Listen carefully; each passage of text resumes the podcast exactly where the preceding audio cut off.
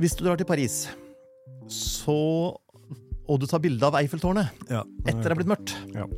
så ikke publiser det bildet. For det har du ikke lov til, med mindre du har søkt om det på forhånd.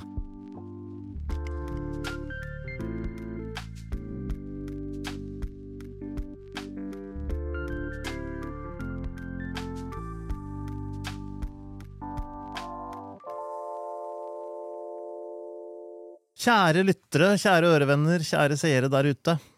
I dag har vi en ny episode av Fotopodden, og vi skal i dag snakke om noe viktig. Vi skal snakke om ytringsfrihet, sensur, privatisering og algoritmer. Og hvordan alt dette her påvirker vår mulighet ikke bare til å filme og fotografere og dokumentere det vi ønsker, men også å publisere det. Vi kan kommer kanskje også litt inn på GDPR og masse andre rare ting. I dag er det meg og Thomas Brun, Hei, hei! Faste teamet, som sitter her. Ja, det er en stund siden vi to har gjort denne episoden. er det ikke? Ja, Så det var på tide, syns jeg. ja, ja absolutt. Eller var det fordi vi ikke fant noen gjester? Det kan være det også, men det skal vi holde for oss selv. Ja, det var det, ja. Det er sånn, det skal vi ikke si noe. Det var jo en tid da man ytret seg ved å skrive leserinnlegg i avisa, eller man var med på en demonstrasjon eller sto på stand og delte ut løpesedler, som egentlig var de måtene man hadde å ytre seg på hvis man ikke var journalist og kunne skrive ting sjøl eller Mm. jobbet i NRK. Alt måtte igjennom en redaktør hvis du skulle få publisert noe. Ja, Hvis du ikke ikke skulle stå på gata og rope. Ja. Og det gjorde jo at, at det man leste, for eksempel, det, var jo, det antok vi jo var sant. For det hadde gått gjennom en redaktør. Men så fikk vi internett, og da ble jo informasjon fri for alle. Alle kunne publisere hva som helst. Og A, vi trodde jo at all Altså, man ikke lenger ville være uinformert. Alle ville ha tilgang på all informasjon. Så feil kunne vi ta. Og alle skulle kunne egentlig si hva de ville. Mm. Det blei jo ikke sånn. For det kom jo noen algoritmer inn der, for eksempel. Men, men det, det er egentlig litt, litt lenger ut. For ikke å foregripe begivenhetens gang her, så kan vi jo begynne med utfordringen med å faktisk få dokumentert det som skjer. Ja. Vi lever i et ganske fritt land. Og egentlig har vi lov til å fotografere nesten hva som helst, nesten hvor som helst. Men hvem er det som bestemmer det? Altså, det er jo veldig mye nå som foregår på private områder. Du er på et kjøpesenter, eller du er på en konsert, eller du er på et eller annet sted som noen private eier. Og de kan bestemme sjøl. Det er jo ikke det offentlige der som bestemmer hva som er lov, og hva som ikke er lov. Så plutselig så kommer det en vekter og sier at du har ikke lov. Mm. Og vi For min del da, så begynte jo mye av dette her med en episode hvor en kollega av oss var på Oslo S Ja. og skulle fotografere. Han Inne skulle, på sentralstasjonen? inne eller? på sentralstasjonen, ja. På det offentlige området, i hallen der. Han skulle ha en utstilling om uh, kollektivtransport i Mm. Italia. Og skulle ta de siste bildene til den utstillingen. Og gikk rundt der med et enkelt lite kamera. Ikke noe mer rigg enn det. Og så kommer det en sånn gorilla bort til han og forteller han at der er det ikke lov å fotografere. Utfordringen er selvfølgelig at går du på nettsidene til Bane NOR, så står det eksplisitt at det er lov å fotografere. Mm. Og det er jo sånn, Jeg tror det er en, sånn, en liten uh, gråsone der, med tanke på at du, hvis du rigger deg opp, og du ber folk holde seg unna stativet ditt, og Ja. du skal på en måte ta mye plass, Og du står med lys, og du står med alt mulig Ja. rart. Ja. så, kan, så tror jeg du må sjekke på forhånd. Men hvis du går rundt der og tar en selfie med mobiltelefonen din, Mm. Eller hvis du bare har et kompaktkamera og tar bilder av eh, visse ting der, Mm. så er det ikke noe Det er lov, da, tydeligvis. Det er lov. Og det er eksplisitt lov. Ja. Uh, nå hadde jo denne kollegaen vår faktisk vært ute for akkurat det samme før. Okay. Så han hadde jo sjekket dette her og visste at det var lov, det han gjorde. Og at uh, vekteren enten ikke visste hva han snakket om, eller kjedet seg på jobb og hadde lyst til å ta noen. Det er veldig ofte det, tror jeg. Nå er Kollegaen vår er ikke spesielt høy, ikke spesielt brei. Eh, ikke spesielt fryktinngytende på noen som helst måte. Så for sikkerhets skyld så henta denne vekteren to vektere til. Så de kunne stå tre stykker rundt han og true med å fysisk bære han ut av Oslo S. Hvis han ikke etterkom et helt urimelig krav for noe, fordi han gjorde noe som faktisk var lov. Og da er jo spørsmålet hvor mange har øh, guts til å stå opp mot tre gorillaer øh, som kommer med trusler, selv om du vet du har rett? Hvor mye er det verdt å få tatt de bildene? Eller lar du bare være å ta de bildene, og lar være å gå tilbake en annen gang for å ta de bildene, rett og slett fordi du har hatt en dårlig opplevelse, og du syns ikke det er noe gøy å ta bilder her lenger? Og hvilken frihet har man da til å ta bilder? Og så hadde jo vi noen runder med Bane NOR etter dette her, for jeg kontaktet dem som, som journalist. Og spurte, og de var jo helt tydelige på at det var lov. Samtidig så kom de med en ra, noen sånne rare påstander om hvorfor vekterne hadde gjort dette her. Mm. Om at han hadde brukt stativ. Og det var jo veldig lett å se på videoen at han ikke hadde. Og det var mye, det var verre ting enn det de påsto, altså, som jeg ikke skal sitere dem på. Men, men de prøvde liksom å få dette her til å bli den brukerens feil, da, selv om det, de hadde alt sammen på, på overvåkningskameraene, og det kunne lett bevises at det ikke var sånn. Men da virket det som Bane Nor til dels tok vekterselskapets parti. Ja, forsvarte dem og deres handlinger. Da. Kanskje Ja. de også bare hadde snakket med dem, og så hadde de prøvd å liksom forsvare hvorfor de gjorde det sånn som de Det gjorde. kan være. At de fant ut senere bare at det er faktisk lov å ta bilder her. Mm. Vi dreit oss ut, men det er mye enklere. Mm. Eh, Og da har jo Bane Nor gjort en feil ved å ikke gi tydelig nok instruks. Ja. Og det kan jo være mange elementer her. At, at vekterselskapet ikke har gitt tydelig nok instrukser til vekterne sine, kan også være en greie. Eller det kan være vektere som kjeder seg på jobb. mm. Og når det kommer en kar på noen og 60 år som er eh, 1,60 høy og tynn og liten, ja. så eh, må du jo føle deg utrolig tøff som vekter hvis du begynner å yppe deg, tenker jeg. Ja, men det er litt det sånn her, um, Og du skal jo forhåpentligvis da kunne utfordre dem litt, bare si sånn, men si hva jeg har gjort gærent. Mm. Hvis du blir stoppet av politiet på veien, for eksempel, og Mhm. du ikke har gjort noe gærent, og de sier at du har gjort noe gærent, mm. så jeg bare men du må jo si hva jeg har gjort gærent, og bevise at jeg har gjort noe gærent. Ja, men de må jo ikke det. Det er jo det som er greia. ikke sant? Politiet har en politimyndighet, Ja. og det er jo en del av myndighetenes voldsmonopol. Ja. De har rett til å gjøre en del ting. Uh, og de kan si nei, vi kan ikke fortelle deg hva du har gjort gærent, du må bli med oss på stasjonen. kan de si. Ja. Uh, og der blir det litt sånn papirarbeid, og der skjer det ting. Ja. Men før det så trenger de kanskje ikke å gjøre det. Nei. Og vektere er jo i stor grad politiets stedfortredere. Fordi politiet har ikke mulighet til å holde kontroll på alt mulig på Oslo S. Det har de ikke mannskap til, og alle andre steder man trenger uh, vakthold. Og derfor så leier man inn private vaktselskaper. Og når de sier ja, nei, men vi har fått instruks om at det er forbudt å, å fotografere her, Mm. Så er det ikke så lett for deg å liksom begynne å skulle slå opp og lete opp en nettside hvor det kanskje står, eller som vår kollega gjorde, ringe Bane Nor Mm. og få dem til å fortelle vekteren at det er lov, det han gjør. Mm. Du gjør jo ikke sånt. Og jeg kontaktet Sporveien etterpå for å spørre hvordan det var der. Og der virker det som det ikke er lov å fotografere. Men de ser gjennom fingrene med det. Det har aldri vært noe issue. Nei, Så hvis du ikke gjør dette her profesjonelt, så er det ikke noe problem. Og så sier jeg, men hva hvis du gjør det profesjonelt, da? Ja, da skal du søke på forhånd. Ja. Så hvis du er pressefotograf, og du tilfeldigvis er på T-banen, og det tilfeldigvis skjer noe nyhetsverdig, skal du da sende inn en søknad om å få lov til å fotografere ja, først. først?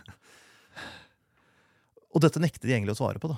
Det, det ville de ikke forholde seg til. Så der fikk jeg ikke noe tydelig svar. Nei, men det er jo som de sier det, da, kanskje det ikke har skjedd for ofte, sånn at det, er, det har vært et problem før, at det liksom ikke har forholdt seg til det noe særlig. Eh, og da er det jo tilfelle at det er bare noen vektere som kjeder seg på jobb, og de vil bare finne noe å gjøre. Og de tenker sånn ok, her er det en person som tar bilder. Men hvis de ikke er der ofte, er til irritasjon, hvis de ikke gjør noe gærent, hvis de ikke måte plager noen, eller tar mye plass, så ser jeg virkelig ikke hva problemet er uansett. Nei, men da blir det jo opp til vekternes skjønn. Ja, ikke sant? Og vekteres skjønn skal man være litt forsiktig med. Ja. For da kommer det jo helt an på om de har en god eller dårlig dag på jobben. Ikke sant? Det er nettopp det. Altså. Så, um, så man kan ikke overlate til det heller. Selv om jeg spurte leserne våre om noen hadde hatt dårlige erfaringer på T-banestasjoner eller kollektivtransportstasjoner i Oslo, og jeg fikk ingen tilbakemelding på det. Mm. Så antagelig har de gitt veldig tydelige instrukser til vekterselskapet om at det er greit innafor rimelighetens grenser, Mm. eller noe sånt noe. Og så har de et annet vaktselskap enn Oslo SR. ja. Kanskje det. Og det er litt sånn ehm, Ja, men hva er det som er lov og ikke lov? Det er sånn konkret. Sånn konkret så skal du vel ikke fotografere militære installasjoner. Ja. Ferdig. Eh, private så, områder så er det jo private som styrer det. Akershus festning, for eksempel. Akershus festning er nok lov, for den er jo ikke noe aktiv Altså, du har jo noen brakker og sånn, ja, det er mer turistdestinasjon, kanskje. men uh, hvordan de kanonene er plassert, det tror jeg ikke betyr veldig mye for nasjonens sikkerhet. det Altså. er ikke så farlig. Nei, Og det er jo, et, det er jo et, en severdighet turistdestinasjon. Ja. Så, så det er ikke noe problem. Men hvis du drar ut på en eller annen militærforlegning og begynner å fotografere I gamle dager var det forbudt å fotografere på flyplasser som hadde militære installasjoner. Så Mm. på Gardermoen, mens Fornebu var flyplass, kunne du ikke. For der var det militært. Og Sola kunne du ikke, og Værnes kunne du ikke uh, fotografere. Men det ble også opphevet etter hvert. da. Men fotografere er én ting, publisere Publisere er jo noe annet igjen. Ja. Um, og da kommer jo GDPR også inn. Hvem har du lov til å publisere? Og hvis noen ikke har fått med seg det, så var jo det noen regler som kom inn i spill for eh, Hvor mange år siden er det nå? Fire år siden? Fem år Noe siden? sånt nå, tror jeg. Ja, Mm. det er kanskje litt lenger.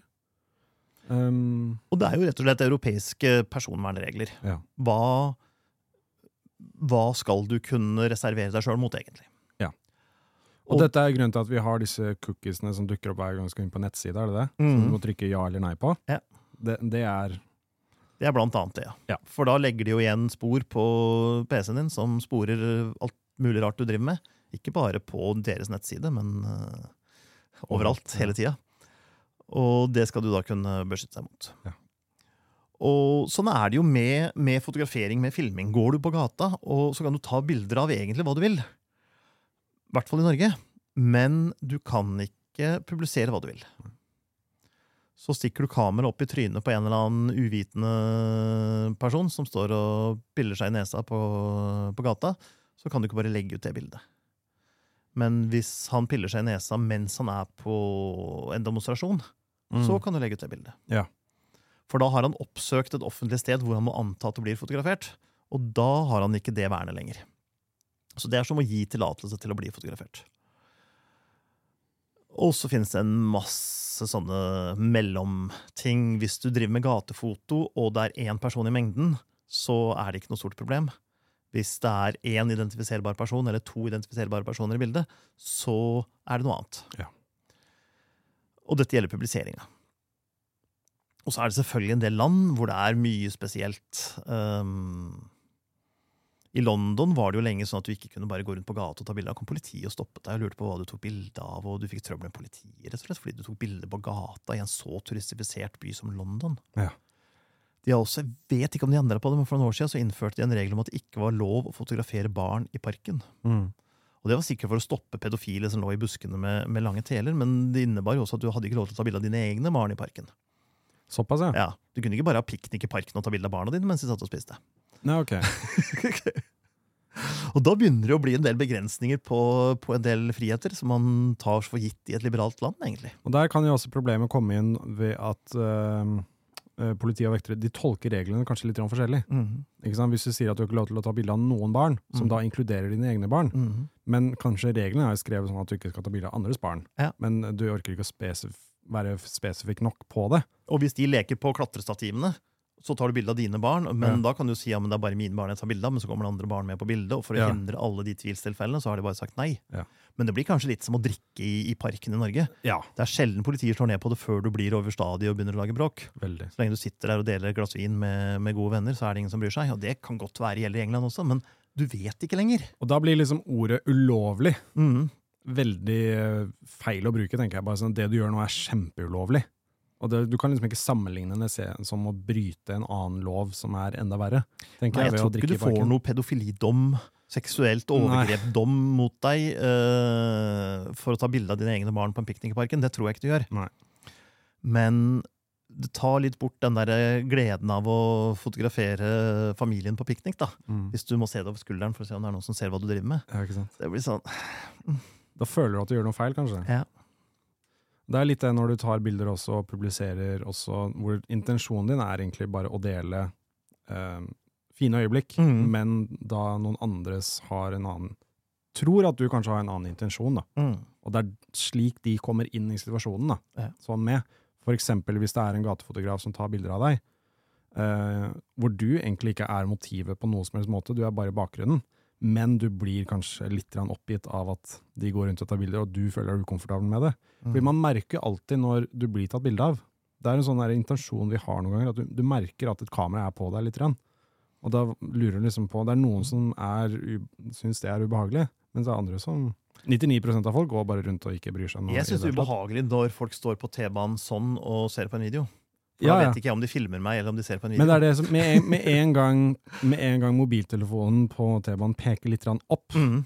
og de ser på en måte i, så merker du at kanskje de tar bilde av deg. Mm. Men de tar jo vanligvis bilde av seg selv. Mm. Altså De fleste bilder som blir tatt, er jo av seg selv nå. Ja. Um, men um, du har jo Det er nesten da, bare du som er interessert i å ta, filme og ta bilde av meg. vet du. Ja, jeg syns det er kjempegøy. Det ser så fin ut. At det.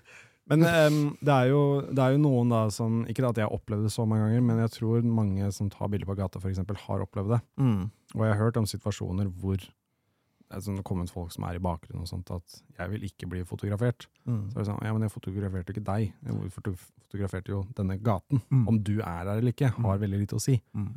Hva gjør man da? Nei, altså, det er jo vanlig høflighet å gjerne ta bildet først, og så spørre eh, etterpå de som det angår. Og så er det noen som det egentlig ikke angår, som later som det angår dem. Ja, og det kan jo bli problematisk. De føler de er viktigere enn det de egentlig er. Ja. Det noen har, vet jeg, er jo at de går med noen visittkort med adressen til der hvor de legger ut ting. Og så sier de eh, 'jeg publiserer her, du får se hvordan bildet ble', og kontakt meg hvis du, hvis du syns det er ubehagelig. Du må på en måte gjøre det litt vanskelig for dem. Mm, ja. Du må jo det. Men jeg hadde en situasjon hvor jeg måtte slette foran dem. Ja. Det som Ja, det skal du ikke måtte, ikke, det er ikke noe forbud mot å ta det bildet. Nei. Det er forbud mot å publisere det bildet, og det kan være i enkelte tilfeller forbud mot å beholde det bildet. Men selve fotograferinga er egentlig ikke forbudt. Mm. Og hvis noen da kommer og blir veldig veldig vanskelige, så får du bare si nei, men jeg kommer ikke til å publisere det. Eller si øh, noe sånt som at øh, da får du ta kontakt med meg når du har sett bildet. Øh, eller noe sånt.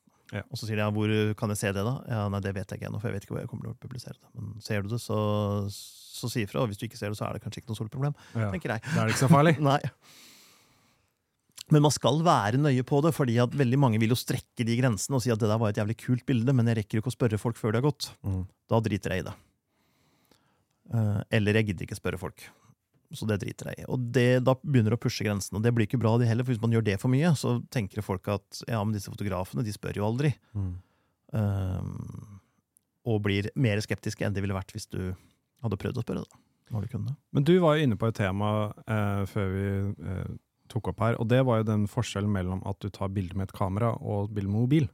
Ja, Det, det, det å ta bilde med mobilen, det har ikke folk noe særlig imot.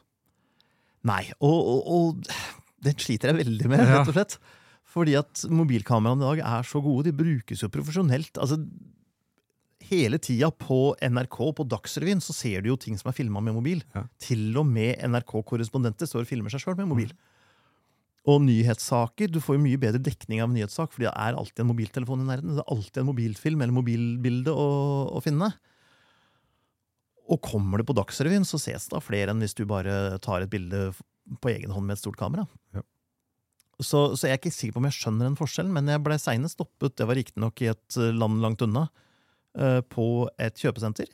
Hvor eh, vakta sa at beklager, du har ikke lov til å fotografere med kamera, men du kan bruke mobiltelefonen din. Jeg er ikke sikker på om jeg skjønner hvorfor. Jeg har vært på museer også, hvor de sier det samme. Ja, ikke sant? Og på en del museer så er det ikke lov til å bruke blits, eksempel. Ja. Men det er jo, i dag så er det mange flere mobiltelefoner som har blitslys, enn det er kameraer som har blitslys. ja. Så det burde jo heller ikke være greia. Så jeg er ikke sikker på om jeg skjønner, men det har nok noe med hva noen tror at kan brukes kommersielt. ja, det er det. Men kan ikke et mobilbilde brukes kommersielt? Jeg tror det er mange som tror at de ikke kan gjøre det. Ja, For det er ingen influensere som bruker mobiltelefon. Nei, ikke sant? Det er nettopp det. ikke sant? Og det er ikke kommersielt, det de driver med. Ikke i det hele tatt. Så jeg tror det er litt det at det henger litt bak det at man ikke helt skjønner at mobiltelefoner brukes kommersielt ennå. Mm. Eh, og at intensjonen Igjen, der går vi inn på intensjonen. At du Mm. tenker sånn, Intensjonen din er ikke å bruke dette i en profesjonell setting. Intensjonen er å bare dokumentere til dine venner og bekjente eller at her har du vært, Mm. eller få et minne. Ja. Og det er intensjonen, men eh, mobiltelefonen kan gjøre så mye mer enn det nå for tiden. Mm. Så det kan 100% brukes som et profesjonelt verktøy. Jeg har hørt om det også sånn Det er en YouTuber som jeg følger som heter Casey Neistat, og han var en, sånn, en av de største vloggerne. Eh, da han vlogget, vlogget, vlogget sånn 800 dager på rad eller noen sånne ting. Og han var invitert på den Met-gallaen Mm. i USA.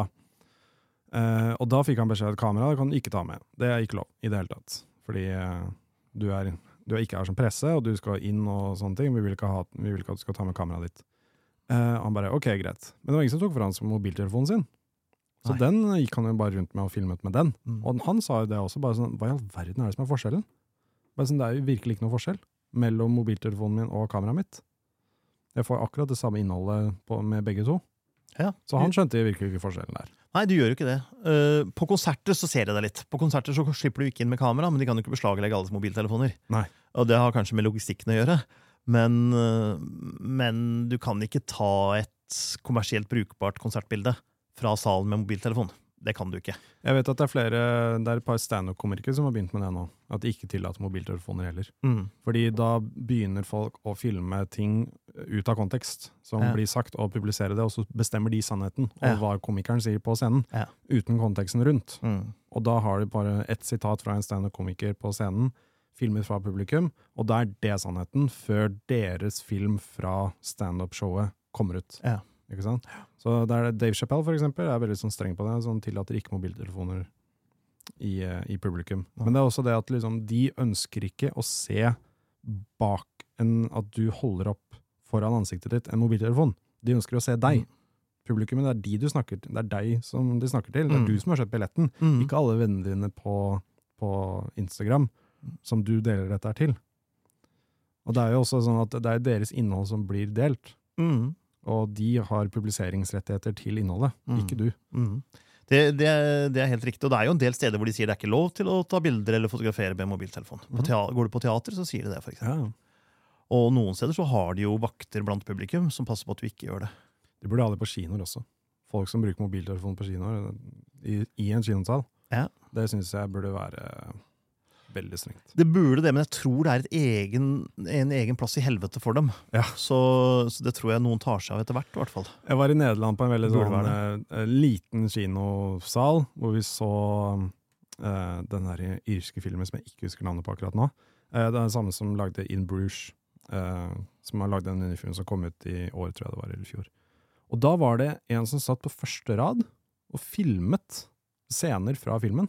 Altså lange scener. Og det verste var at han hadde jo skjermen sin på, og du, i en mørk sal så ser du den skjermen veldig veldig med en gang. Mm. Og det var en liten sal også, så den spotta vi med. Men han øh, skjønte ikke selv, tror jeg, at også blitsen hans var på. Så lyset på mobilen lyste opp på skjermen Nei!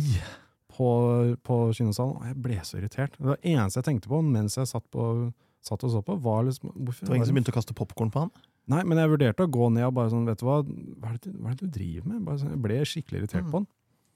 Uh, og det var en sånn men han gjorde det igjen og igjen og igjen. Og igjen. Og, sånn, og da tenkte jeg sånn, ja, men det der, som du sier, det er en egen plass i helvete for folk som det. Fordi jeg sånn, jeg skjønner ikke. Går du 20 Men år da- tilbake i tid, var jo det en måte å piratkopiere filmer på. Ja. Da satt satt man jo med helt- kamera og filmet filmen av lerretet, og så la man Ja, ut på en, på en DVD eller en VCD og solgte. Og hvis du sitter helt bakerst i salen, så er det ingen som legger merke til det. For så vidt, Med mindre hvis du skrur av lyset på mobilen, da, sånn som Mm. han ikke gjorde. Men så sitter du helt forrest òg. Ja. Alle ser hva du driver med. Du sitter ikke der aleine.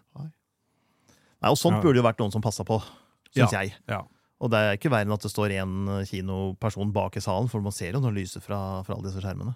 Man gjør det. Men det er jo ikke så mye for rettigheter som det er for uh, irritasjon blant eh, irritasjon. publikum. Men vet du hva, altså. hvem de verste er? Nå er jeg vel litt off topic. Ja. eh, De verste er, det er eldre folk. Aha. Fordi de skjønner ikke denne folkeskikken. Fordi jeg, jeg har sett det så mange Ja. ganger, og de gangene jeg har vært på kino nå, hver eneste gang jeg har sett eh, noen bruke telefonen, så er det enten eh, eh, tenåringer eller senior. Ja. Altså pensjonister. Og de bare sånn, de sitter og skriver meldinger til folk og sånt under filmen. Det er ikke noe viktig som de trenger å gjøre akkurat der og da. Men de bare sitter sånn der 'Å, nå har jeg fått en Snapchat av barnebarnet mitt, og så hyggelig', og sånn. Sånn. Du sitter og ser på en film, bare sånn, du trenger ikke gjøre dette her akkurat nå. Nå følte jeg meg veldig ung, for jeg driver ikke på sånn. Så nå- Nei, men det er bra. Ja. Men det, det er også sånn, jeg, sånn Etter pandemien, eller under pandemien også, så ble det sånn at de publiserte eh, filmer til streaming samtidig som de gjorde til kino. Og den er jeg veldig for. Fordi alle de som sitter med mobilen sin mens de sitter og ser på film, Mhm. kan gjøre det hjemme. Mm. Og så sparer vi kinosalene til alle oss andre. Til de som er interessert i filmen Ja. og kinoopplevelsen. Som skjønner at uh, det er visse steder hvor du skal legge vekk mobilen. Mm. Hvis du skal prøve å spore litt tilbake igjen, Ja, så har jeg jo et veldig sånn fint eksempel på hvor vanskelig ting kan være. Hvis du drar til Paris, så, og du tar bilde av Eiffeltårnet Ja, etter det er blitt mørkt, Ja. Så ikke publiser det bildet. For det har du ikke lov til, med mindre du har søkt om det på forhånd. Fordi noen har copyright på lysinstallasjonen på Eiffeltårnet. Eiffeltårnet har jo ingen copyright på, for det er jo mer enn 75 år siden Gustav Eiffel døde. Men, eh, men noen har copyright på lysinstallasjonen, så da kan du få besøk av noens advokatfirma hvis du publiserer bilde av Eiffeltårnet i mørket. Er det snakk om bare det som lyser opp Eiffeltårnet generelt, eller det lysshowet som skjer hver time? Eh, Begge deler. Begge deler. Ja. Ok. Så Så lampene inne på Eiffeltårnet som Nei, altså Hvis du er i nærheten av Eiffeltårnet og tar bilde av tre av lampene, så tror jeg ikke det betyr noe. Men hvis du står på avstand og tar bilde av hele Eiffeltårnet, så du ser liksom hele At det lyser opp? at det lyser opp, Ja. så, så kan du ikke publisere det. Og hvordan skal man vite sånt? Ikke sant? Og, og her kommer jo hele ikke sant? Du, du, du vet ikke om du kan gå på et kjøpesenter og, og fotografere. Du er ikke helt sikker på om de personene i bildet, om du har lov til å publisere bilde av dem. Og du har ikk- vet ikke om det du tar bilde av, er lov å ta bilde av. Og plutselig så er det ikke bare et etisk spørsmål, når du tar bilder, men det er et juridisk spørsmål. Mm. Og hvor mye juss skal du komme, kunne da før du går ut og tar disse bildene? Det er jo det er en utfordring, altså. Ja. Det blir veldig vanskelig. Ja, det blir veldig veldig vanskelig etter hvert. Ja. Og jeg har, jo, jeg har jo vært i noen land som, som har en del rare og til dels strenge regler på hva du kan fotografere og ikke kan fotografere. Og der er det en masse politifolk og en masse vokter, vakter som heller ikke kan disse reglene ordentlig. Mm. Og så er det da gjerne sånn at hvis du tar bilde av noe, så- og de er i tvil om du har lov til å ta bilde av det, så er jo spørsmålet blir det mest bråk for dem hvis de plager en turist, noe de ikke bør gjøre for de trenger turismen, eller blir det mest bråk for dem hvis de lar turistene ta bilde av det når de ikke skulle tatt bilde av det? Mm. Og så er jo veldig mye av dette her ikke så opplagt at alle skjønner at du ikke skal ta bilde av det. Det kan være et monument noen steder, til og med. Uh, og, og da vet jo Hvis ikke politiet og vokterne, vekterne, vaktene vet dette her, hvordan skal du vite det? Mm. Og en jeg kjenner, han ble arrestert i Qatar for han tok bilde av noe han ikke skulle ta bilde av. Og mistenkt for spionasje. Og de fant jo ut i løpet av kort tid at, uh, at han var jo ikke spion, han var jo bare en dum turist. Men da hadde jo den som kunne signere papirene for løslatelse, hadde gått for dagen, så han måtte jo tilbringe natta i cella. Så han satt en natt i, i fengsel i Qatar. Fordi han hadde tatt bilde av presidentpalasset eller et eller annet sånt. Uh, Vi hadde jo også han eh, som ble tatt i Hellas også, ja, Knut Bry Knut Brya. tok jo bilde av en båt i Hellas, Ja. og ble ikke bare anklaget for, jeg tror han ble sikta for, for spionasje. Han kan ikke dra tilbake til Hellas nå, tror jeg. Jeg vet ikke hvordan saken har gått, men Nei. da vi hadde den, så kunne han ikke det. Eh, for da var ikke saken avgjort ennå. Og hvis den er avgjort i hans disfavør, så kan han jo heller ikke det. Men, eh, men de var jo så lei av eh, flyktninger at de hadde jo da tilsvarende mye mot de som hjalp flyktningene. Og han tilhørte jo en sånn gruppe som prøvde å, å gi humanitær hjelp til flyktninger, og det ville tydeligvis ikke Hellas eller greske myndigheter ha noe av. Mm. Så da tiltalte jeg han for spionasje fordi han sto på brygga, helt åpenlys, i dagslys, og tok bilde av en båt som gikk ut fra havna. Mm. For det de mente da, var at den båten skulle ut og da, kunne han advare flyktninger som var ute på havet, mot at det kom noe kystvaktskip eller et, en eller annen sånn helt fjern ting.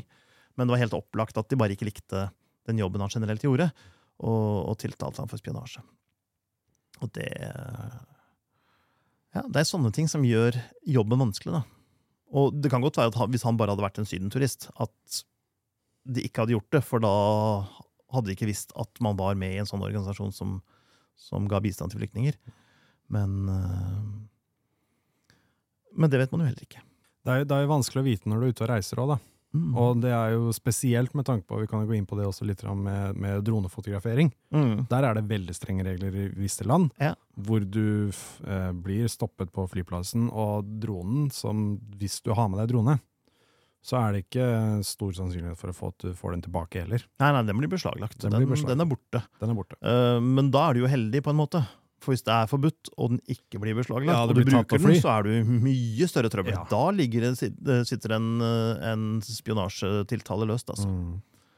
Så det skal man være veldig veldig forsiktig med, og særlig land holdt på å si, man ikke liker å sammenligne seg med. Det er jo mye strengere bare i Sverige enn i Norge. Men jeg tror ikke du som nordmann så lett får en spionasjetiltale for å filme med drone i Sverige.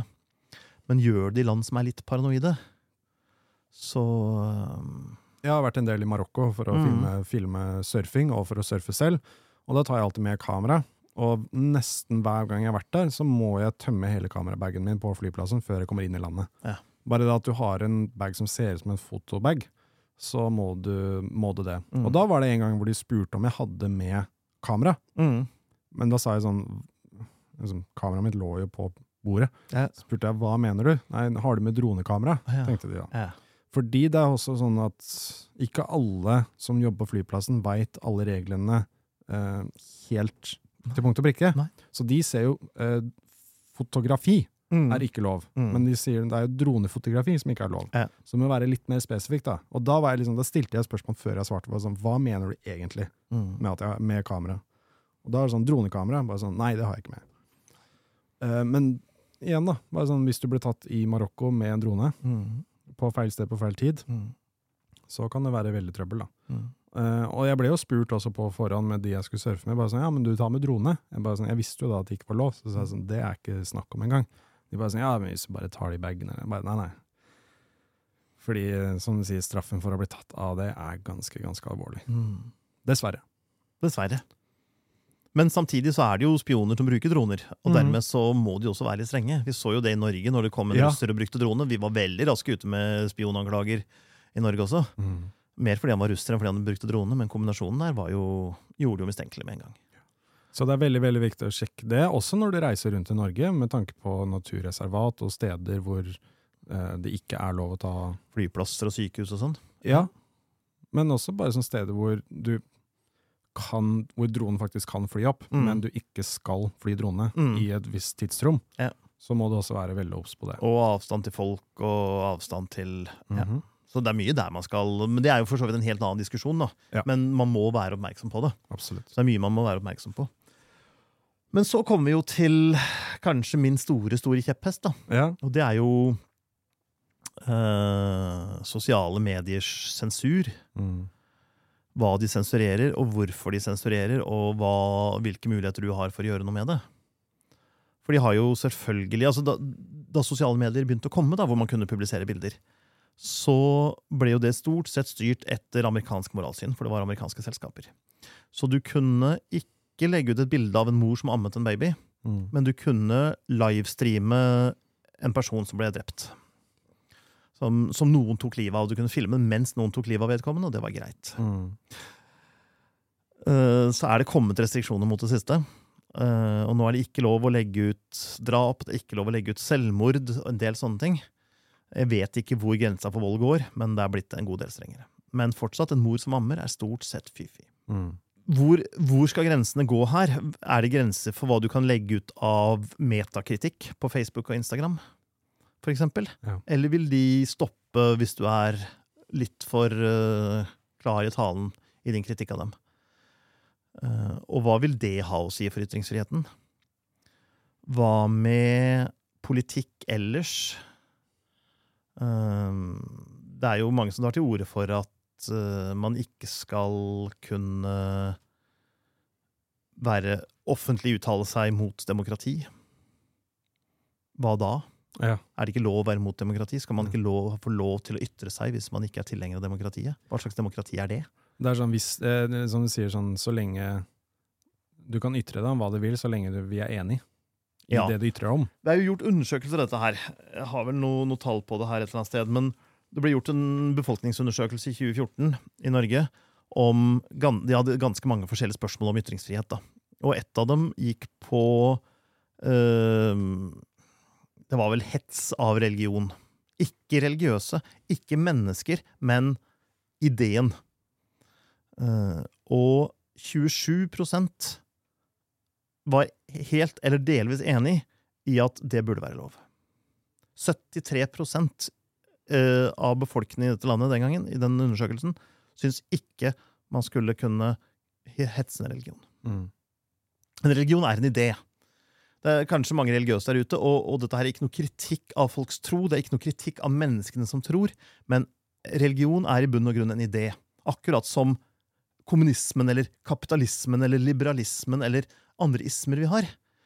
Um, og enhver idé må kunne kritiseres. Enhver, ingen ideer har beskyttelse i loven, eller bør ha beskyttelse i loven. Man må kunne snakke om det, og man må kunne diskutere det, og man må kunne si stygge ting om det om folk er aldri så uenige. Og dette viser jo egentlig at folk flest i Norge er ikke tilhengere av ytringsfrihet. Mm. Vi er tilhengere av ytringsfrihet for oss selv Og for alle dere der ute som er enige med meg. Mm. Ja, ja. Men, og der kommer også spørsmålet inn bare sånn, ok, hva mener du med hetsing? Ja. Altså kritisering, hva menes med det? Menes det, hvis, hvis jeg hetser deg eller kritiserer deg, hva, er det du som bestemmer den definisjonen da? Det, er sånn, det kan være sånn at jeg bare stiller et spørsmål til hva du sier. Mm. Altså, hvorfor sier du det på den måten? Og så Ja. kan du si, jeg er fornærmet av det du sa nå, Mm. så derfor føler jeg føler meg krenket av det du sa. Og derfor så er Men det hvis du du ber en psykiater om å lese Gamle testamentet, Ja. så er det jo ganske opplagt at den abrahamittiske guden har veldig, veldig mange psykopatiske trekk. Ja. Så hvis jeg sier at Gud er en jævla psykopat, Ja. så vil jo det være hetsende for ganske mange. Og nå lever jeg i et land hvor det faktisk er lov, selv om bare 70, 27% av dere der ute syns at jeg skulle ha lov til å si det jeg sa nå, så, så er det lov. Etter 2014 så er det lov. Men Eller var igjen, det er jo på en måte din tro også. Ja. Og det er jo det det er basert på, er det ikke det? Altså, din tro, det, altså, Du kan jo forsvare det og argumentere for hvorfor du synes det er sånn, Mm. og noen andre kan forsvare og argumentere for det motsatte. Mm. Og det er en debatt. Ja. Og det skal jo være lov. Men når man da kommer til å ta en koran og surre den inn i bacon og tenne på den, um, det er jo en helt klar hets av en religion. Og det har jo ingen konstruktiv funksjon. Og vi er ikke spesielt glad i bokbrenning. Det sender noen signaler som de fleste ikke syns noe særlig om. Mm. Men det må da ikke altså Skal man ha et liberalt samfunn, så kan man jo ikke forby ting man er imot. Mm. Det, er jo, det er jo et eller annet med at en, en rettsstat må ha noen prinsipper. Eh, Det var veldig mye snakk om det under Anders Behring Breivik. Fortjener Anders Behring Breivik en rettferdig rettssak? Mm. Og mange mente nei, for han er en jævla barnemorder. Og han er en jævla barnemorder. Men man kan ikke Hvem skal bestemme når prinsippene skal vike? Mm. Du kan ikke gjøre det. Så han måtte få en rettferdig rettssak. Og man kan være så imot det man bare vil. Og, og jeg er ikke noen tilhenger av dødsstraff, men om Anders Behring Breivik hadde gått med i dragsuget, så er det ingen som hadde grått for det. Men prinsippene må likevel være der. Han må ha rett til en forsvarer, han må ha rett på en rettferdig rettssak. Ellers er jo vi like ille. Det er det samme hvis du eh, trenger nødshjelp og må ringe en sykebil. Ja. Så kommer jo sykebilen og hjelper deg, Mm. uansett eh, hva du tror, eller hva du sier, eller hva du velger å ha som tro. Mm. Så, så hjelper jo de deg Mm. med den hjelpen du trenger der og da. Mm. Og det er jo den samme rettigheten som alle har. Ja. Så man trenger jo ikke provosere unødvendig, men det bør ikke være forbud mot det. Og jeg mener jo fullt og fast at det er en menneskerett å bli krenka. Mm. Du skal ikke kunne beskytte deg mot å bli krenka. Hvis du blir krenka, så er det egentlig en følelse som er inni deg, og ikke noe som angår så veldig mye resten av samfunnet, med mindre det er direkte hatprat. Altså, Mm. eh, hvis du krenker en hel folkegruppe, så, så, så er det noe annet. Men en idé skal ikke ha vern i loven. Mener jeg. Og jeg vil til døden forsvare din rett til å være uenig i det. Ja, ja. Men jeg vil gjerne kunne diskutere det. Jeg vil gjerne at noen ikke skal forby den diskusjonen. Det er det gamle sitatet. Det er bare sånn, Jeg er uenig i hva du sier, Mm. men jeg, vil, jeg forsvarer din rett til å si det. Ja. Jeg vil til døden forsvare din rett Ja, det. jeg husker ikke akkurat hvem som sa det nå, men det er, et, det er et veldig kjent sitat. Det er et veldig fint sitat. Jeg liker den. Uh, og, og, og det er veldig viktig. Men når det da kommer til publisering på sosiale medier, Ja. så gjelder jo ikke noe av dette her lenger. fordi at da er spørsmålet hva tjener selskapet som eier de sosiale mediene, mest penger på? Hva får flest nye brukere? Hva skremmer bort flest brukere? Og hva er det de syns er feil og riktig? Ja. Dem personlig. Og vi har jo hatt noen rants tidligere om bildet av Napalm-jenta. Ja. For der lagde jo vi en TikTok-video Det gjorde vi. Og jeg kommenterte litt på det bildet. Eh, Blant annet at det har vært sensurert veldig mye fordi hun er naken. Og antagelig ville TikTok sensurere det bildet. Og hva gjorde TikTok? Vi sensurerte videoen som vi lagde om det bildet, Ja. hvor du snakket om at det er feil å sensurere det bildet. Um, og vi tok jo opp det med TikTok, Mhm. og vi fikk den faktisk til å snu. Så nå har eh, TikTok godkjent uh, videoer med det bildet på. Ja. Fordi foto.no tok opp dette her med TikTok, og fikk TikTok til å endre seg. Men man skal ikke trenge å gjøre det for hvert bilde. Nei. Vi har jo hatt fødselsfotograf Eva Rose her i studio. Veldig flink. Veldig, veldig flink, og hun tar jo bilde av mye rart som TikTok og, og Facebook og Instagram og disse her ikke liker. Mm. Så hun har jo fått sletta kontoen sin utallige ganger. Men hun har nå hos Instagram og Facebook fått et unntak. Hun er definert i kategorien kunstner, Ja. og blir ikke lenger sensurert. Så klarer du det, så går det visst greit. Hun har jo sånn filter på bildene sine, som er sånn at det er, du må godkjenne at bildet kan inneholde eh, visse ting. Ja. Så du sier ja til det, Mm. og så blir det vist. da. Det er noen av bildene som er sånn. Men eh, kontoen hennes blir ikke slettet, i hvert fall. For i, i mitt norske hode så klarer ikke jeg å assosiere noe veldig seksuelt verken med en fødende kvinne eller en jente som har fått svidd av ryggen av napalm og løper hylende nedover en vei, Mm. bare fordi de er nakne. Jeg klarer ikke å sette likhetstegn mellom nakenhet og seksualitet. Det er selvfølgelig mye seksuelt som er nakent. Um, men det er også mye nakenhet som ikke er seksuelt. Mm. Og det finnes mye ikke-nakenhet som også er seksuelt. Det er ingen sak å lage et, et pornografisk bilde uten å vise kjønnsorganer. Og det er ingen sak å lage et ikke-pornografisk bilde hvor du viser kjønnsorganer. Mm. Så den der likheten mellom et kjønnsorgan og seksualitet, eller nakenhet og seksualitet, blir jo egentlig helt pervers. Men det har jo ingenting å si, fordi at store deler av verden er uenig med meg. Mm. Og da er det det som betyr noe. Det går ikke an å si ja, men reis din moralske fane, Meta, og vis hva som er rett og galt her i verden. Nei. De har kun én fane, og den er økonomisk. Det er den eneste fanen så godt som alle selskaper i hele verden har. Alle kommersielle selskaper har. De skal gi mest mulig tilbake til investorene sine. Mm. Og da blir det jo sånn. Altså, I i Øst-Asia så er det jo veldig mye sånn bluferdighet. I Afrika er det veldig mye bluferdighet. I hele Amerika, både Nord-Amerika og Sør-Amerika, er det jo det. Det er jo stort sett Vest-Europa og Australia og New Zealand som har en liberal holdning til nakenhet. Uh, hvor du finner nudiststrender og ja. Men jeg syns at det er en av de fine tingene med f.eks. NRK, da, og hvordan det er satt opp. Det at NRK kan kritisere NRK og Mm. gjøre narr av NRK uten at det blir sett på som At det blir tatt ned eller sensurert eller på noen som helst måte fjernet. Mm. At der er det en plattform hvor alle disse reglene skal opprettholdes, og at det ikke er noen eh, investorer eller eiere som endrer på dette her basert på sine meninger. Mm. At det skal være en nøytral eh, plattform. Mm. Og alle aviser i Norge egentlig skal jo ha en 100% altså vanntette skott mellom redaksjonen og eierskap og kommersielle delen. Ja. Men ingen redaktører som er glad i jobben sin, vil jo glemme at de trenger å selge aviser og selge klikk Mm. for å kunne overleve. Eh, Så, så det vil jo aldri være helt vanntett. Og heller ikke NRK. NRK driver jo hardt og konkurrerer med de andre TV-kanalene om seere. Mm. Så de kommersialiserer seg jo på samme måten, de også. Altså, Maskorama har jo ingenting med NRK å gjøre. Unnskyld meg, det må man kunne sende på TV2 eller TV3 eller TV et eller annet, hva som helst. Eh, så, så, så det er jo ikke Det er jo ikke sånn i virkeligheten allikevel. Nei. Selv om man ønsker seg at det er sånn, og det er mye bedre eh, akkurat den biten i ikke-kommersielle medier enn i kommersielle medier. Men hva gjør man? Altså, man, man sitter der med et bilde. Du, du har tatt et aktbilde, da. Ja. Du får ikke lagt ut noe sted. Nei. Eh, akt har man malt i hundrevis av år. Lenge før det fantes noe fotografi, så var det en kunstform som het akt. Og det var å male en naken, vanligvis kvinne, som lå på en divan. Og i dag kan du fotografere en naken kvinne som ligger på en divan, men du får den er ikke lagt ut noe sted. Nei. Er det seksuelt? Hender ikke at nakne kvinner ligger på en divan? Det kan jo bli sett på som det av folk. Noen folk kan se på det som Ja. det, noen andre kan se på det som kunst. Så Ja. den er litt sånn i gråsonen, og der må vi på en måte litt sånn hvert bilde individuelt vurderes, Ja, men Hvis jeg ligger der og skrever og gnir seg mellom beina, så skjønner jeg jo at det blir sett på som, som seksuelt. Ja. Og, og det trenger vi ikke putte hvor som helst. Det vet du hvor du finner hvis du er interessert i det. Mm. Men man kan ikke Altså, man må jobbe mot den der at nakenhet er lik seksualitet. Mm. Eller er lik pornografi. Og, og et nakent eller nesten naken barn er lik eh, pedofili. Eller barnepornografi.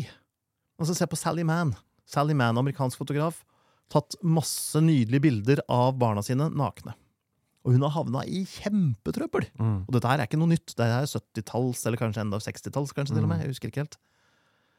Og de er jo, det fins jo ikke noe seksuelt ved dem. Det er jo barn som leker, eller barn som sitter og prater, eller barn som gjør det barn driver med. Og da skulle putte noe seksuelt inn i det, fordi man enten er tenner på det sjøl, eller fordi man tror det sitter en eller annen pervers person der ute og tenner på det. Ja, man skal være forsiktig med barn. Ja, hun skal være veldig, veldig, veldig forsiktig før hun legger ut offentlige bilder av barna sine nakne. Mm. Men eh, Og den diskusjonen er selvfølgelig en egen diskusjon, men å skulle gjøre det til noe skamfullt Mm. Altså, Det fins ikke noe mer naturlig i hele verden enn en naken barn. Mm. Å skulle gjøre det til noe tabubelagt og skamfullt, der er det noe som skurrer hos meg, altså. Ja. Men det er jo det i det meste av verden. Og man ser jo det i Norge også. Skolebarn dusjer jo ikke nakne på skolen lenger. Det er ikke bare fordi det er tabulagt, det er jo fordi også alle de andre barna har mobiltelefon Mm.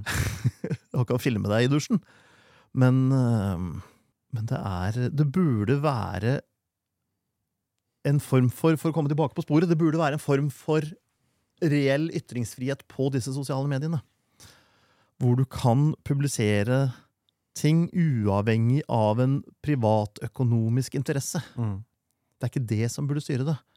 Og hadde de sosiale mediene vært en eller annen sånn liten obskur sideting, så hadde de ikke gjort noe. Men når det er det stedet alle ytrer seg, alle publiserer, så blir det forferdelig vanskelig når det styres av sånne interesser. Men det problemet jeg også har, er at det er så eh, det, det styrer jo også sannheten altså folk har. Altså eh, deres bilde på hvordan sannheten er. Fordi det blir bare publisert med en gang uten noen form for redaksjonell tanke eller gjennomgang på noen som helst måte. Mm. Eh, Du ser jo det veldig ofte når ting på andre siden av verden oppstår, og så er det et eller annet bilde eller video eller noe fra det stedet som blir delt, Mm. og så er det ute på sosiale medier, og så er det sannheten. Mm. Selv om det kanskje ikke er den hele sannheten, Mm. men det er brøkdeler av sannheten. Og på sosiale medier så Men de bestemmer jo ved at det blir publisert uten noen form for bakgrunnssjekk eller eh, sjekking av kilder, eller være sikker på hvor det, denne informasjonen kommer fra, så er det sannheten plutselig. Mm. Og det er ikke noe, det er jo ikke noe sånn eh, Det har jo vært mye de siste vent dagene. Disse 40 barna som var uh, hogd hodet av en eller annen uh, kibbutz i Israel. Som var hogd hodet av av Hamas. Det er jo ingen som har klart å få bekrefta at 40 barn ble hogd hodet av. Men noen hadde vi sett 40 døde barn, Mm. og noen hadde sett at noen var blitt hogd hodet av. Ikke nødvendigvis barn, men at noen i den kibbutzen var blitt hogd hodet av. Mm. Og så var de to tingene sammenstilt.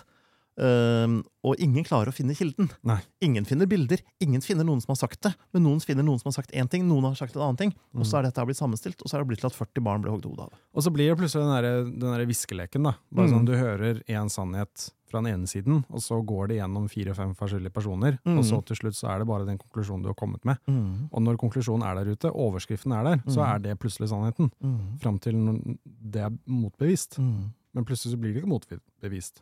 Da blir det bare druknet i all den informasjonen vi får ut om alt som skjer i verden hele tiden. Og så er det bare borte. Og da er det, da er det sannheten. Mm. Selv om det er null bekreftelse på at det faktisk har skjedd på den måten. Også i en krigssituasjon. Det er jo noe, et engelsk uttrykk som heter 'fog of war'. Ja. Eh, det ligger en tåke over det hele. En informasjonståke. Mm. Og det eneste du kan være sikker på, er at begge parter ljuger. Eller alle parter i en krig ljuger. Og øh, hvis man skal sitere noen igjen, som jeg heller ikke husker navnet på, så er jo i en krig så er sannheten det første som, uh, Forsvinner. som forsvinner. Ja. Alle som rapporterer fra en krig, har en agenda den ene eller den andre veien. Og man kan tro at norske medier er uavhengige. Hvis du ser hvordan norske medier rapporterer fra krigen i Ukraina, så er de jo alltid på Ukrainas side. Mm. Og det kan godt være riktig, men det er ikke nøytralt uavhengig. Og norske medier har noen land de liker, og noen land de misliker. Så når de skriver om land de misliker, så skriver de bare det negative. Og når de skriver om land de liker, så skriver de stort sett bare det positive. Så, Og land de er alliert med. og land de er alliert med, ja. Så det blir veldig Og så sitter vi hjemme og lurer på hvorfor gjør ikke folk i det landet noe med situasjonen hvis den er så ille, og så er den kanskje ikke så ille. Mm. Se på India. Uh, Modi, eh, statsministeren i India. Han hører jo forferdelig mye gærent om. Han er jo en hindunasjonalist, og han gjør jo det landet lettere for hinduister og forferdelig mye vanskeligere for alle andre, særlig for muslimer. Det vi ikke hører, er at han jobber beinhardt for å fjerne fattigdom, for å utvikle landsbygda, for å gjøre levekårene for folk flest i landet veldig mye bedre. Uh, kanskje ikke for muslimer, men for, eh, for alle andre. Men det hører vi ikke noe om. Mm. Selv om vi har uavhengige medier i Norge, så at de er uavhengige, betyr ikke at de ikke tar en side, dessverre. Men hva er det som selger mest, da? Ja, ikke sant?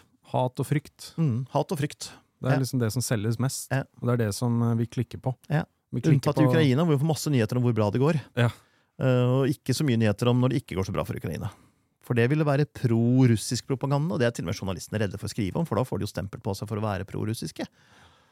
Og Det er det verste du kan være nå. Ja. Og det er også en ting jeg merker. Um, det er veldig veldig mange mennesker ute som ikke klarer å skille mellom en unnskyldning og en forklaring. Mm. Hvis jeg prøver å forstå en situasjon, ikke forstå altså i, i betydningen 'og jeg forstår hvorfor du gjorde det', men i et, i et globalt perspektiv da, så har vi jo he, helt siden andre verdenskrig prøvd å forstå hvilke mekanismer det var som førte til, til andre verdenskrig. Og det er veldig viktig å gjøre. Mm. Men det er ikke det samme som å unnskylde Hitler. Nei. Eh, Tyskland var marginalisert etter første verdenskrig, og de følte, følte seg ydmyket, og de var Ikke sant? Og når det da kommer en stor og sterk mann og sier 'jeg skal gjenreise Tyskland som en stormakt', så er det en grunn til at det skjedde. Mm. Men ingen unnskyldning for at det skjedde. Nei. Og når noen prøver å forklare hvorfor Hamas gjorde som de gjorde, så er ikke det noe forsvar av Hamas. Men det er en måte å forstå på, for det er kun ved å forstå at vi kan hindre at det skjer igjen. Mm. Men det er det ikke noe rom for nå. Samme var det Ukraina-krigen brøt ut. Hvis noen prøvde å forklare hva det var som drev Russland til å gjøre det de gjorde, eller Putin til å gjøre det han gjorde, så ble man sett på som putinist. Mm. Det var ingen som ønsket å forstå situasjonen, de ville bare fordømme Putin. Ja, fordøm for all del Putin, men prøv likevel å forstå. Ja. Ellers så har vi ikke lært noe, og da er det forgjeves. Hadde dette noe med foto og publisering å gjøre, og ytringsfrihet? Det, det har jo litt med det tanke på at ehm, Si du, da, som en person skal prøve å formidle dette på sosiale medier, Mm. så kommer du aldri til å komme ut av den diskusjonen eh, 100% uten noen som virkelig vil ha stemmen din fjernet. Nei. Det skjer jo ikke. Nei. Og det er det som kan være litt av problemet. Mm. Det at liksom den debatten som, må ha, som man må ha, som Mm. kan være ukomfortabel, som Mm. kan krenke folk, som eh, kan få noen til å føles, uh, føle seg ukomfortable, Mm. den, den må jo bli hatt, som du sier, fordi man skal hindre at det skjer igjen. Og Da Mm. må du forstå begge parter av konflikten. Mm. Man må forstå, Det er alltid det viktigste. det er å Mm. forstå. Men at hvis du har sosiale medier og selskaper som ikke vil at den ene siden skal bli hørt på noen som helst måte, og de vil Mhm. fjerne deres stemme, Mhm. fordi de mener, og veldig ofte riktig også, at deres stemme er feil, Mm. men de må fortsatt bli hørt på en eller annen måte. Mm. Det trenger ikke være feil engang. Det kan bare være at jeg, den, den gagner ikke meg. Ja, ikke sant? Og det er den, der, det er den der lille gråsonen der, da, mellom at bare sånn, ok, men du, du har feil, men at Mhm. jeg mener at du har feil. Og, derfor, og du har makten til å liksom holde deg stum. Det er forskjell på å ha rett og få rett. Ja. Mm. Og det er også forskjell på hva er faktaene, og hva er Mm. det du føler er riktig og galt. Mm. Men i dag er vi i en verden hvor vi ikke engang vet hva som er fakta. Mm. For det første så er det så utrolig mye løgn der ute. Altså, Filosofien, eller tanken til Donald Trump, er jo ikke at å, jeg bare sier ting for jeg syns det er gøy å si det. Det er jo en bevisst strategi at hvis jeg serverer én løgn, så kommer noen og sier det er løgn. Men serverer jeg 30 000 løgner, så er det ingen som kan ettergå alle de 30 000 og si hva som er løgn og hva som ikke er løgn. Mm. Og dermed så mister folk begrepet om hva som er sant og hva som er usant. Og da blir det sånn ok, jeg velger enten å tro på han, eller velger å ikke tro på han. Og de fleste, i hvert fall i Norge, har jo da valgt å ikke tro på Donald Trump og tenker at ja, ja, hvis han sier det, så må vi anta at det er løgn. Ja, det er, litt- det er litt det har blitt nå. Men så har du fanskaren hans i USA, Ja. som tenker akkurat motsatt. At hvis han sier noe, så må det jo være sant, fordi alle i Washington sitter og ljuger. Og så kan man demonisere Trump, eller man kan prøve å forstå hvilke mekanismer det er som gjør at folk velger å tro på han og velger å stemme på han. Eh, Men da er man kanskje en trumpist, da. Men det er også en interessant diskusjon med tanke på snakker, hvem skal få publisere hva, og når ting blir publisert uten å bli faktasjekket. Mm.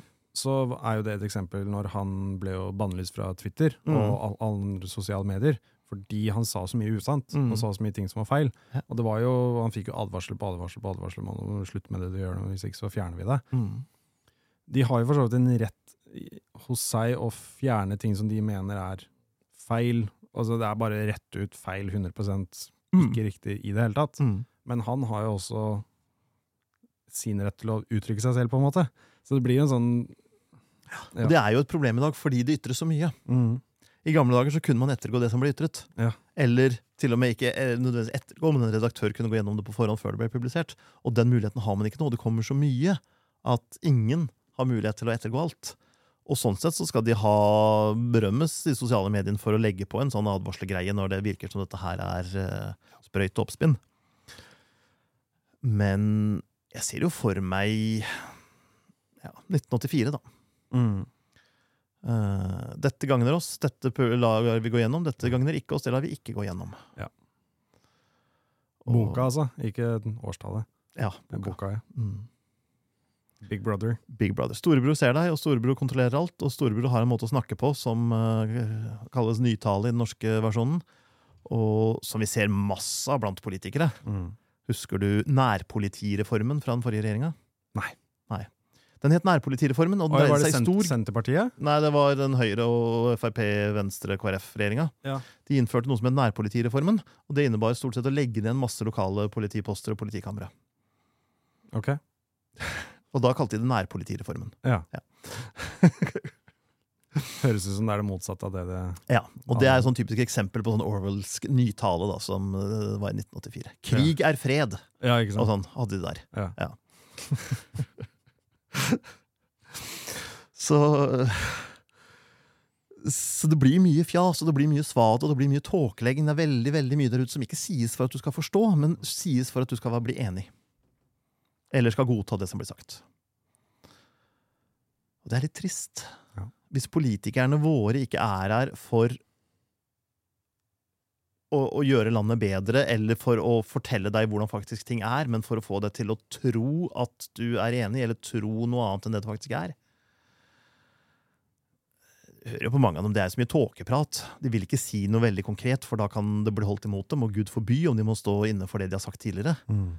Så kan du kritisere pressen for å være så beinhard at de ikke tør å si sånt lenger. Men eh, At det ikke er lov å skifte mening og alt mulig sånt. Men, eh, men det er jo ikke mye som er i klartekst lenger, syns jeg. Alt skal være propaganda den ene eller den andre veien. Hva skal vi gjøre, da? Hvordan skal vi konkludere med dette? her? Hvordan ser fremtiden ut? Nei, Det er vanskelig å spå særlig om framtida. Nei, altså hvordan framtida ser ut, det er det jo helt umulig å si, men, men man må jo prøve å styre Altså, man må prøve å få en ytringsfrihetslov, kanskje i EU, til å begynne med, Mm. som ikke bare omfatter myndighetene, men som omfatter større deler av der hvor mye ting publiseres. Altså, eh, Paragraf 100 i, i Grunnloven vår nå begynner jo med 'ytringsfrihet bør forekomme'. Mm. Det er den første setningen i den paragrafen. Og den sier jo egentlig ikke så veldig mye. Ytringsfrihet bør forekomme. Mm. Og de kan jo ikke si at slå fast at det er ytringsfrihet, for den er jo ikke absolutt. Du kan ikke drive med hatprat, og du kan ikke drive med rasisme, og du kan ikke publisere bilder av seksualiserte bilder av nakne barn osv. Eller seksuelle overgrep. Um, og så står det, står det lenger ned i paragrafen så står det Forhåndssensur og andre forebyggende forholdsregler kan ikke benyttes med mindre det er nødvendig for å beskytte barn og unge mot skadelig påvirkning fra levende bilder. Mm. Det er en av formuleringene i paragraf 100. Og hva er skadelig? Hvilke ja, levende bilder er det barn og ungdom tar skade av å se? Er det opp til foreldrene å bestemme det, eller er det opp til hvem er det opp til å Ja, eller er det opp til myndighetene, eller er det opp til den som publiserer, eller er det opp til barna selv å vurdere hva som er skadelig, eller Det er veldig, veldig, veldig vagt. Og den, den kan jo tolkes basert på hvor krenket du føler deg av det som blir publisert. Mhm, Hvis du skjønner? mhm. Du har jo aldersgrense på filmer, for eksempel, som gir en liten retningslinje til, til foreldre. Ja. Som vet hva barna skal se på, men det er jo veldig enkelt å bare ignorere dem. Men i. Norge så er det jo ikke noe Jeg tror ikke du får noen høy aldersgrense hvis det er noen nakne mennesker, men du får høyere aldersgrense hvis det er seksuelle Ja. ting som skjer. Eller mye vold. Men i USA så ville de jo ikke hatt noe lav aldersgrense hvis det var et nakent menneske i filmen. For det ville umiddelbart blitt sett på som seksuelt. Men det var jo Norge også hvor eh, Life of Brian, Monty Python-filmen, ble bannlyst. For den var jo ansett som blasfemisk. Ja. Og den gang så hadde vi en blasfemiparagraf. Mm. Den har vi ikke lenger. Mm. I reklamen for den i Sverige så het det at den her er så morsom at den er blitt forbudt i Norge. Ja, ja. -hmm. uh, og det var det jo veldig mye debatt rundt. For det første så gjør det jo veldig klart at det er ikke Jesus. Brian i Life of Brian er ikke Jesus. Og det he blir helt tydelig helt i begynnelsen av filmen. Og det er jo også helt tydelig at den gjør bare narr av religion. Den gjør Ja. ikke narr av eh, Den gjør ikke narr av kristendommen. Den gjør narr, egentlig gjør den ikke narr av religioner, den gjør narr av religiøse. Ja, folk som er ute etter en religiøs bevegelse, Ja. og de trenger et svar på, på livet generelt. Ja. Liksom den saueflokk-mentaliteten, Ja. da. Ja. Det er det den gjør narr av. Ja. Og sier jo også egentlig at alle religioner er jo i større eller mindre grad sånn som dette her. Det er jo bare folk som følger fordi de har behov for å følge noe, behov for svar. Ja. Men ikke noe kritikk av Jesus, ikke noe kritikk av kristendommen sånn sett. Eller guddommene eller helligdommene. Så egentlig så var den ikke blasfemisk. Men det gikk ikke an den gangen den kom i 1981. Jeg husker jo Kirkevåg Lystad Mjøen, den gode gamle humortrioen. trioen. De fikk jo drapstrusler de når de hadde sånne sketsjer hvor de gjorde narr av prester. Ja. Det var det da enkelte mennesker i Norge allerede på slutten av 70- og tidlig 80-tallet altså, som mente at det burde man dø for. Ja. Hvis man gjorde narr av en yrkesgruppe. Ja. Som har morsomme krager og, og leker ringspill med prestekragene sine. så, så folk vil ikke ha ytringsfrihet. Men har vi, har vi kommet Har det gått riktig vei, da, syns du, eller har det feil vei?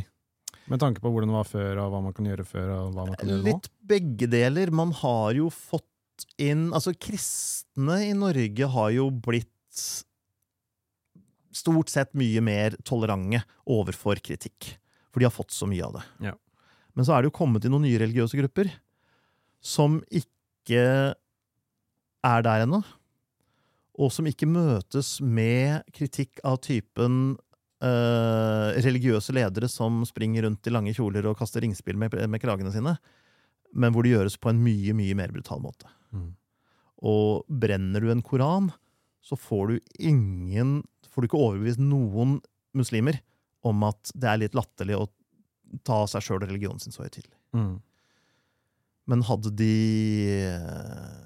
Hadde de vist en, en imam med turban som tar av seg turbanen og hopper tau med den, Mm. så tror jeg de hadde blitt litt mer vant til litt, litt latterliggjøring av det. Jeg tror det hadde vært mye mer effektivt. Ja.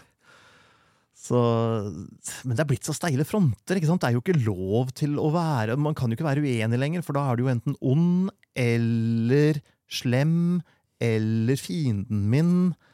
uh, og du krenker meg, og det har du ikke rett til eller lov til, osv. osv. Det er ikke noe grunn til å bli krenka fordi noen er enig med deg. Mm. Det er ingen som er onde nødvendigvis fordi de er uenig med deg. Kom med et argument tilbake igjen, da, i stedet. Mm. Argumenter for hvorfor dette her er så viktig og så riktig for deg, i stedet for å bli krenka og sur og skulle kansellere eller ringe til sjefen og, få, og be dem, gi dem sparken fordi de var uenige med deg. Merkelig. Ja. Skal vi konkludere med det, kanskje? Ja. Så jeg tenker det. Bare sånn, ja, men Vær åpen for en uh, liten diskusjon, Ja. en liten debatt, Ja. og kunne forsvare hva du sier. Hvis du, hvis du gjør det så enkelt, da, hvis, hvis du hører noen som sier noe du er uenig om, så Mm. spør hva, hva mener du? Mm. Hva mener du med det? Og det gjelder Meta og TikTok og disse her også. Ja. Ja. Forklar. Ja. Eh, forklar eh, det du sier. Mm. Jeg, jeg har lyst til å prøve å forstå det. Hvis du syns det er riktig å seksualisere et ni år gammelt krigsoffer, så fortell oss hvorfor. Ikke sant? Ikke bare sensurer det.